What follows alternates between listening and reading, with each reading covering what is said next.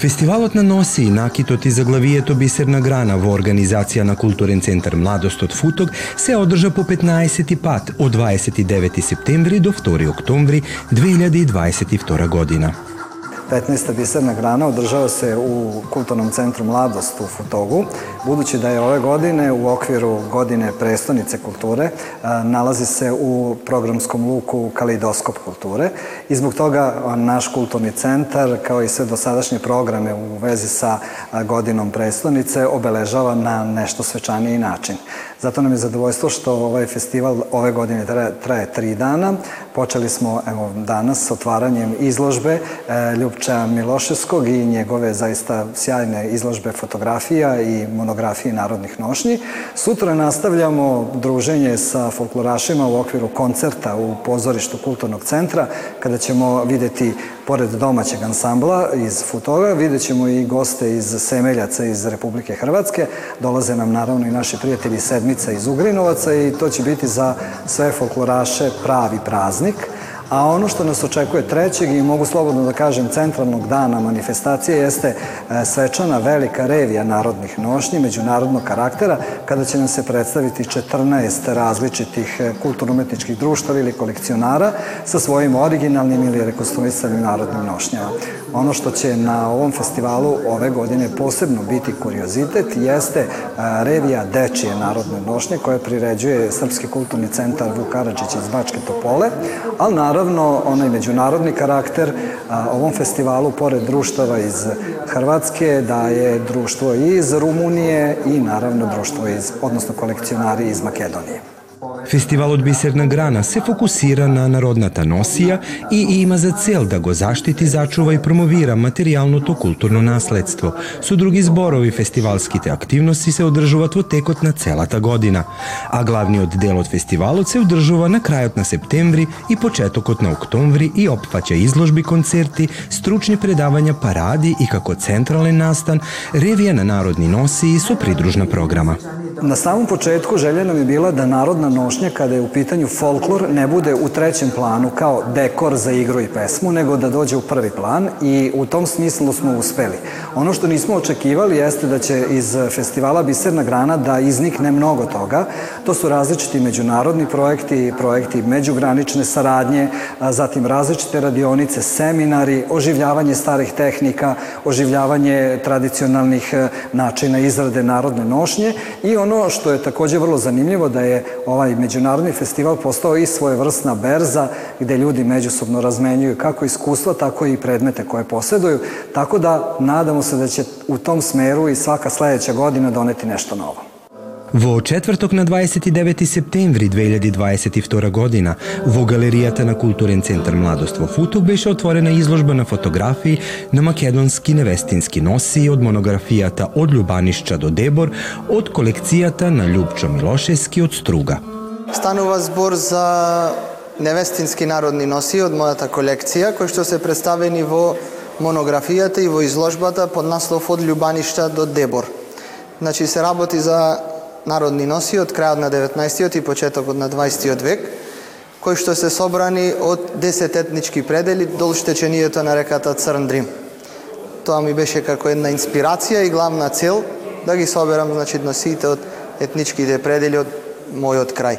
Со фолклор се занимавам уште од 6 годишна возраст, кога почнав да играм во локалните културно-етнички друштва и ансамбли и сега сум и раководител на културно-етничкото друштво Илинден при Центарот за култура Браќа Милодимовци во Струга, а мојата желба дојде, да речам, од носијата од баба ми, која што ја гледаме тука позади мене.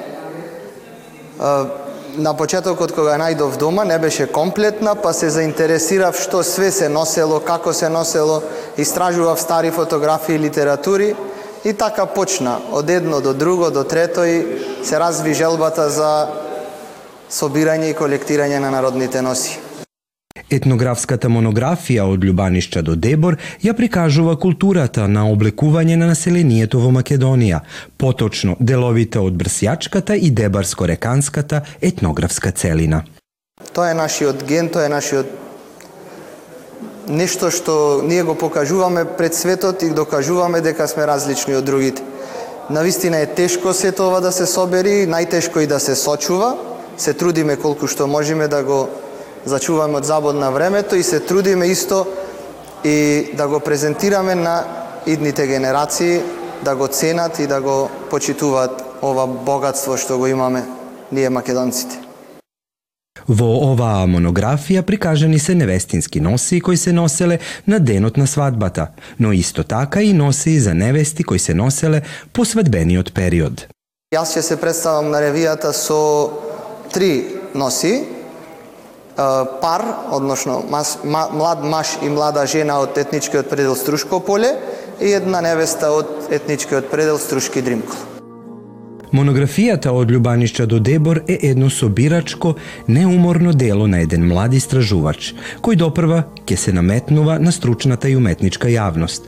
Љупчо Милошевски со години работи на овој труд. Носија за млада жена од етничкиот предел Струшко поле, Носијата, како што гледаме, е доста богата, украсена е со многу срмен вес. Се состои од голема кошула, под кошулата се носат поманајки и грлинка, кои што се украсени со вес. Над тоа оди минтанот со ракави, кои што исто така се украсени со срмени везови. Над тоа оди клашеник, кој исто така е со срмени везови. Гледаме и ткаена скутина од две дипли со локална терминологија скутина со цркви.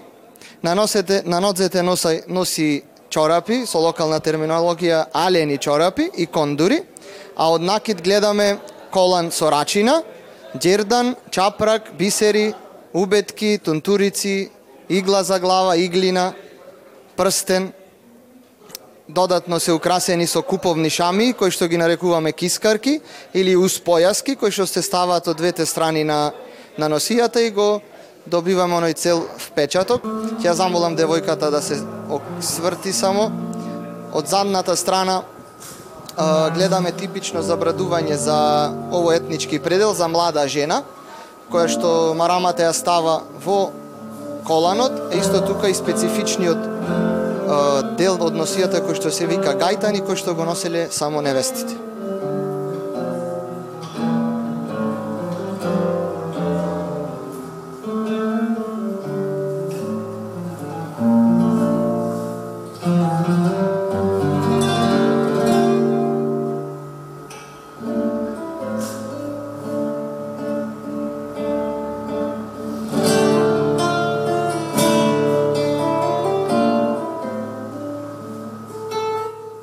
Покрај собирачката дејност, тој има огромен афинитет и кон изведувачката традиционална уметност. Во годините што доаѓаат, само ќе бидиме во исчекување на неговите нови активности и дела, кои ќе го оформат мозаикот на традиционалната уметност, вели професор доктор Владимир Јаневски во рецензијата. Гледате палето. Избор из емисија на језицима национални заедница.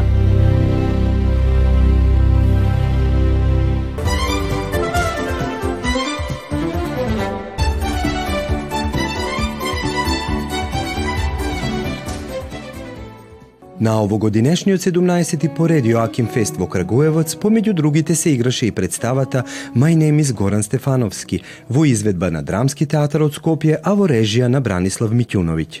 Представата представува еден, еден осврт омаш на делата на Горан Стефановски. Горан Стефановски, знаеме, е нашиот најгло, најголем и најплоден а, драмски писател, легендарен писател, можам да кажам дека е сите ние, сите ние што се занимаваме со оваа наша работа, тоа ние како буквар, Горан Стефановски е нашиот нашиот алфа и омега. Сите почнавме тоа и се уште го поминуваме и го обработуваме. Режисерот Мичуновиќ на некој начин направи направи обид со представата да направи еден еден осврт на представи кои што не се работени, не се режирани во драмскиот театар во Скопје и мислам дека направивме една добра представа. Меѓународниот театарски фестивал Јоаким Интерфест го добил името по еден од најзначајните личности на српскиот театар Јоаким Вуиќ, писател, комичар, преведувач, патник и раководител на првиот српски театар, основан во Крагуевац, тогашен главен град на Србија, во 1835 година. Иако живееме во различни држави веќе 20 и повеќе години, веќе сме засебни сите, а, тие конекции, тие конекции се се уште ги одржуваме. Јас како јас сум роден во таа заедничка држава, потоа се развивав и работев во друга држава, но конекциите се уште постојат. А, се разбираме, конзумираме литература од овие простори, читаме филмови, гледаме така да мислам дека јазикот не е никаков проблем. Представата се викан Горан Стефановски е родена од мојата посветеност на делото на Горан и сеќавањето на нашето пријателство. Тоа е моја исповед пред пријателот, мојот сценски одговор на неговите драматични теми, мојата посветеност на неговата работа, што ја посакував, додава редителот Митјуновиќ Прв пат сум во Крагуевац, пресрекни сме што имаме можност да играме представата на Јоаким Фест фестивалот. За прв пат сме тука. А, додуша театарот беше пред 2-3 години со Фестен, со една друга представа, меѓутоа јас лично сум тука прв пат, секако почестена и срекна.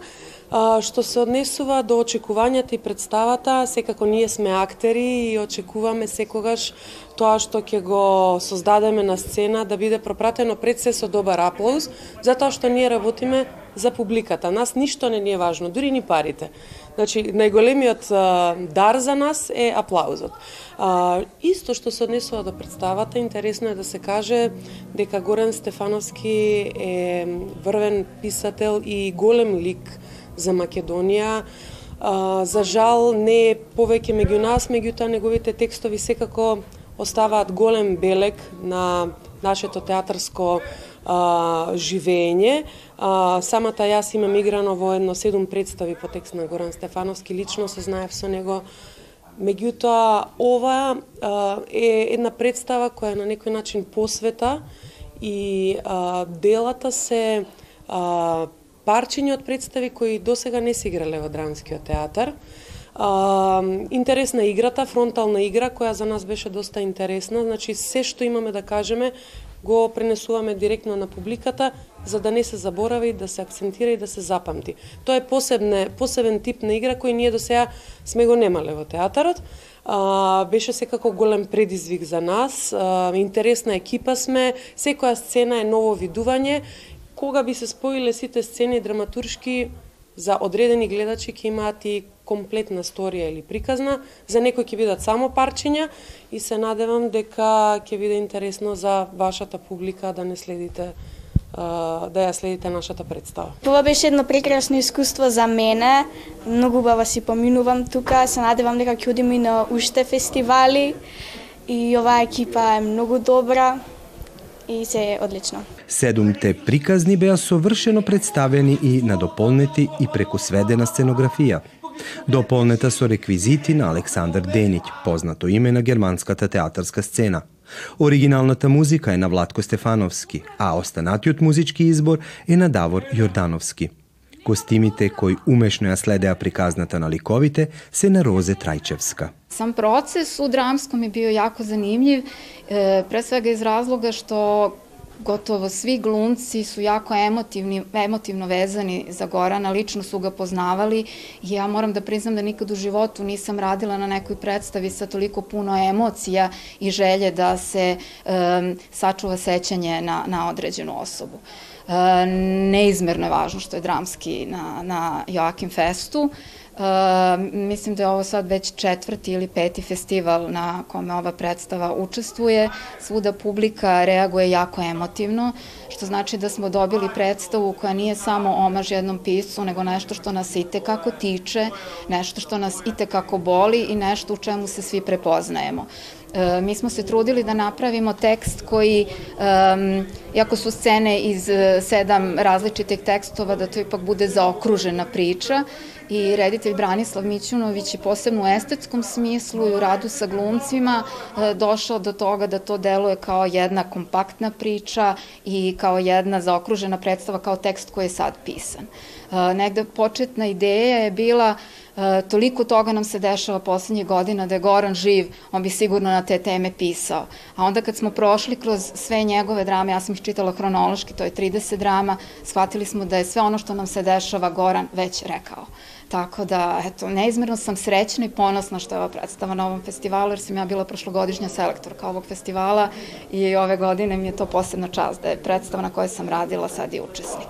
Делата кои се споени во овој омаж се пишувани од 1987 до 2012 година. А ние еве ги гледаме во 2022 и сваќаме дека пораките и проблемите се толку актуелни, што дури ти доаѓа и да се засрамиш.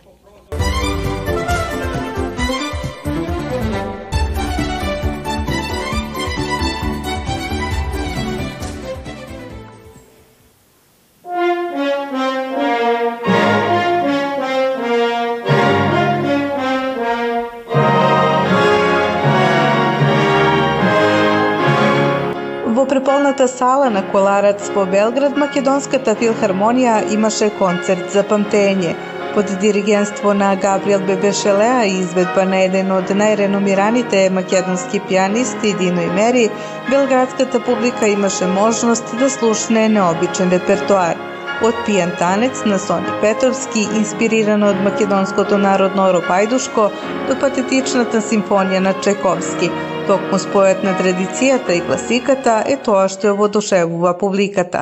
Секое мое доаѓање во Белград, ова не е мое прво, е прво во Коларац, но не во Белград. Секое мое доаѓање едноставно магично поради луѓето. Така што таа магија не би функционирала без оние од другата страна, кои што со своето присуство и со своето желба да слушнат нешто, придодаваат на, на целата таа равенка. Говорејќи за патот кон успехот, Имери вели дека не го доживува како жртва и одрекнување, туку како уживање. Не можам да, да посочам еден момент кога одлучив да станам музичар, бидејќи музиката беше дел од мојата најрана возраст. Тоа ми беше едно, едно, едно интимно катче, каде што јас самиот можев да се, да се изразам. И на почетокот тоа беше просто една забавна една играчка, еден свет, детски свет, многу наивен и многу интересен за мене. Свет во кој што поминував многу време од денот, како дете. Подоцна, некако полека, полека, моите родители го препознаа тоа, а кои што се исто така музичари, меѓутоа, на моја огромна радост, во еден момент, препознавајќи го мојот талент, не ме подбутнаа во музиката. Просто оставија да видат каде ќе се одвива селата приказна сама по себе. Па во одреден момент, тука тоа судбинско прашање се врзува, би рекол дека е моја звезда да се занимавам со, со музика, но истовремено музиката е а, еден дел од се она што се случува во мојот живот. Не е, се разбира, најважниот, но не е и најмалку важниот. Просто мислам дека музиката е веќе во сите нас и можеме да ја правиме на секаде, без разлика на дали имаме музички инструменти или не. Тоа е еден начин на, на живот, тоа е еден начин на пристап на гледање на, на нешто. Не мислам дека треба одрекнување од нешто. Ако работите нешто, било што, несете го целото свое срце и целата своја душа во тоа. Тоа е единствен начин на кој што вреди да се работи било што во живот. Вклучително и музиката. Така што сите тие тешки моменти, сите тие сати, сати работа и вежбање не ги доживувам како одрекување од нешто или како жртва, туку како дел од патот, всушност дел и од кој многу сум научил и во кој сум нашол и уживање. Така што секое страдање во себе се носи голема лекција и би требало да сме благодарни кога ни се случува и нешто лошо. Слушам секаква музика и уживам во секаква музика и во има музика за секоја прилика. Па така што не сум исклучок од а, ниеден обичен човек кој што ужива во буквално секаква музика. Дури и а, различни видови на музика знаат често да ме инспирираат и да ме натераат да размислувам поинаку за класична. Овој концерт е многу важен за продлабочување на соработката меѓу Македонската и Белградската филхармонија, вели Тина Иванова, директорка на Македонската филхармонија. Почнуваме една нова соработка меѓу двете институции Белградска филхармонија и Македонска филхармонија. А, многу долго време Македонската филхармонија не гостувала тука и ова е еден символичен почеток на Отворен Балкан и се надеваме дека е, сите идни проекти ќе се одвиваат во таа насока и дека ќе оствариме плодна соработка меѓу двете институции Белград преголем културен центар. Знаеме сите што представуваше во рамките на поранешна Југославија и што представува денеска, така што на вистина ова за нас е огромна чест. А Белградската филхармонија требаше да гостува кај нас, меѓутоа заради пандемијата го откажаа своето гостување и се надеваме дека следната сезона ќе ни бидат наши гости. А, оваа соработка, а, како што споменав, ќе биде почеток а, затоа што веќе планираме некои а, идни креативни соработки и решенија, за што разговаравме денеска со директорот на Белградска филхармонија, меѓутоа да не откривам повеќе детали за тоа потоа. Само сакам да кажам дека се надевам дека вечерва ќе се представиме во најдоброто наше издание, за да можеме да ја продолжиме соработката убаво. Класичната музика е безвременска, ама програмите се прилагодуваат во однос на вкусот и на потребите на публиката, вели Иванова. Развојот на технологијата си го направи своето, меѓутоа и да, денешните генерации се некои ги нарекуваат инстант генерации затоа што се сакаат брзо, Еве, самите сме сведоци, никој повеќе не чита книги, се што читаме се само некои обични флоскули или некои мали ситни мудрости, ќе ги прочитаме, ќе ги запаметиме и толку. Никој нема да се дрзне денеска да го прочита цел том на Достоевски или на Толстој.